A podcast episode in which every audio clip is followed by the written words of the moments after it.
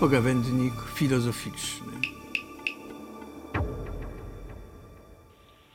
Austatud kuulajad, minu nimi on Roomet Jakapi. Drodzy słuchacze, nazywam się Rumet Jakapi i jestem profesorem historii filozofii na Uniwersytecie w Tartu w Estonii.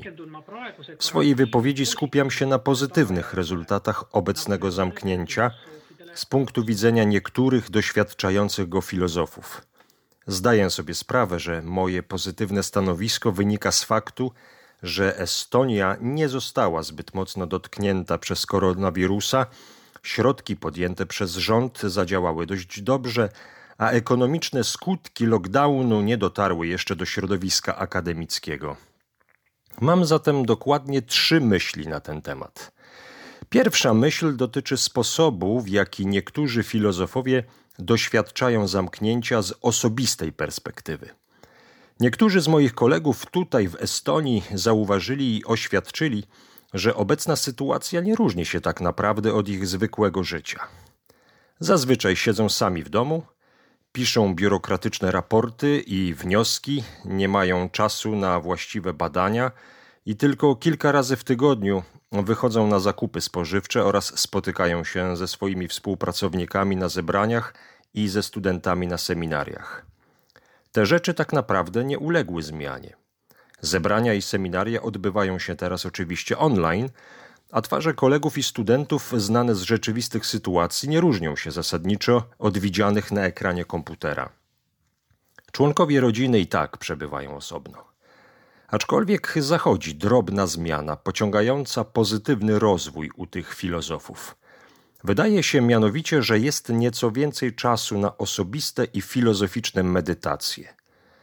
Jeśli mieszkasz sam, tak jak mi się to również przytrafiło w tym czasie, możesz przeznaczyć co najmniej godzinę dziennie na przemyślenie tego, dlaczego zostałeś filozofem, jak się czujesz będąc sam, czy naprawdę chcesz dzielić swoje życie i mieszkanie z innymi ludźmi i tak. Może się okazać, że obecna sytuacja jest prawie idealna dla filozofa, ponieważ inni ludzie powodują wiele hałasu i zakłóceń, mają potrzeby i marnują dużo jego cennego czasu. Jasne, że mają też do zaoferowania coś pozytywnego, ale wynikające stąd korzyści najlepiej regulować na zasadzie dobrowolności. Filozof w zamknięciu może zamawiać książki i inne rzeczy, a nawet spotykać ludzi online lub nie, w maseczkach lub bez nich, w bezpiecznych okolicznościach. Filozof ów może stwierdzić, że szósta medytacja Kartezjusza nie jest końcem tej historii. O wiele więcej medytacji może i powinno być napisanych, przy założeniu, że dodatkowy czas uzyskany dzięki pandemicznemu zamknięciu nie zostanie ponownie zabrany. Oto więc ta myśl – Żyjący samotnie filozof może obawiać się jedynie tego, że to zamknięcie skończy się zbyt szybko i trzeba będzie wrócić do przerażającego i często rozczarowującego życia społecznego, które jest straszliwą stratą czasu. Przy okazji, jak wiadomo z różnych raportów, są w Estonii również tacy filozofowie, którzy ignorują lockdown i niezmiennie pracują w swoich gabinetach, ponieważ w domu mają dzieci lub inne hałaśliwe osoby. Wydaje się w rzeczy samej, że prowadzą nader stresujące i niebezpieczne życie. Moja druga myśl dotyczy fizycznej egzystencji filozofa, który żyje samotnie. Obecnie niektórzy filozofowie są tak bardzo zaangażowani w aktywność umysłową, że bez mała zapominają o tym, że są również istotami fizycznymi, lub też robią wszystko, by zapomnieć o swojej fizyczności, co nie musi oznaczać, że są idealistami metafizycznymi. Nie, nie tylko idealiści, oni i tak są rzadkim gatunkiem, usiłują zapomnieć o swojej fizycznej egzystencji. Istnieją inne gatunki filozofów, łącznie z materialistami i dualistami, którzy wydają się mieć swoisty stosunek tak do własnego ciała, jak w ogóle do ciał innych ludzi.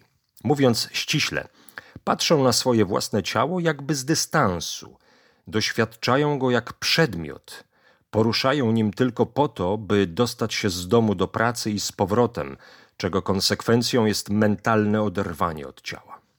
Trwająca blokada ma jeszcze jedną istotną przewagę nad normalną sytuacją. Jest więcej czasu na ćwiczenia fizyczne w domu. Rankiem nie ma dokąd się udać, więc filozof może przeznaczyć pół godziny na ćwiczenia fizyczne, powtarzając ten rytuał codziennie.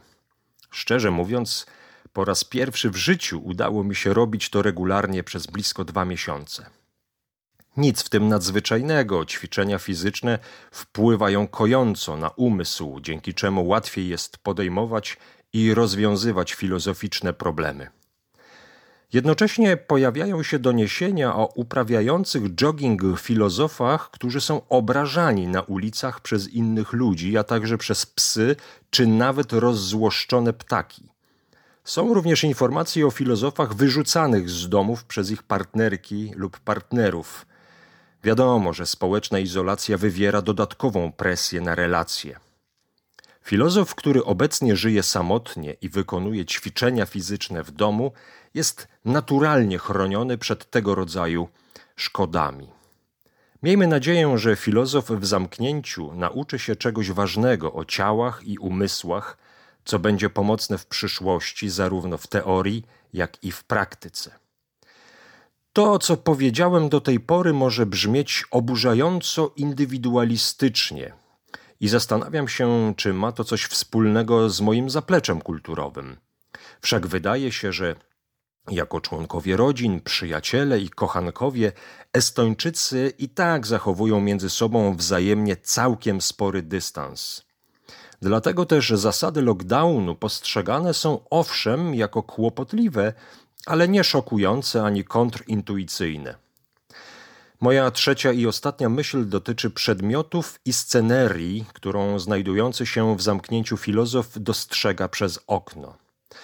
Cóż, y, niewiele tam się dzieje i bardzo dobrze, bo jeśli dzieje się cokolwiek lub ktokolwiek pojawia się na zewnątrz, to zasługuje to natychmiast na większą uwagę i pozwala na głębszą refleksję niż w normalnych okolicznościach. Na przykład, od czasu do czasu widuję robotników budowlanych, budujących dom jakieś 100 metrów od miejsca, w którym mieszkam.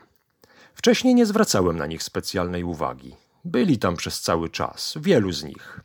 Teraz nie ma ich aż tak wielu, ale wciąż wydają się czasem pracować.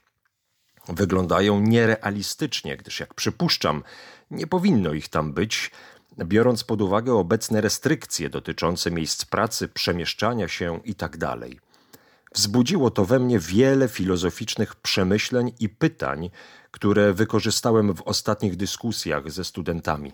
Jak powiedziałem, samo istnienie robotników budowlanych budzi obecnie znacznie więcej wątpliwości niż mogłoby w normalnych warunkach. Mogą to być zjawy lub może jakieś maszyny w ludzkim odzieniu, na co w znanych słowach wskazuje Kartezjusz w swojej drugiej medytacji. Prowadzę również kurs współczesnej epistemologii, w ramach którego nagłe pojawienie się robotników budowlanych służy mi jako przykład przyswajania sobie podstawowych przekonań percepcyjnych.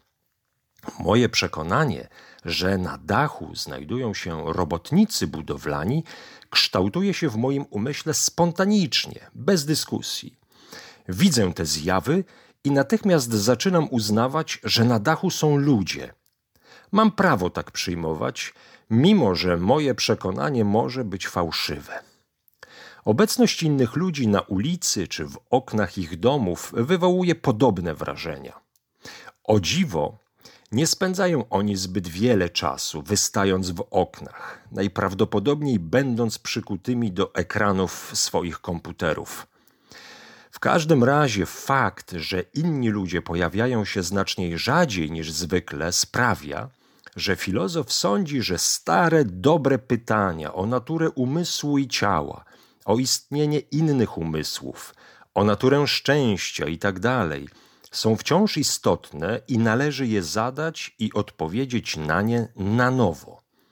W obecnej sytuacji filozof może odczuwać siłę tych pytań żywiej niż kiedykolwiek wcześniej.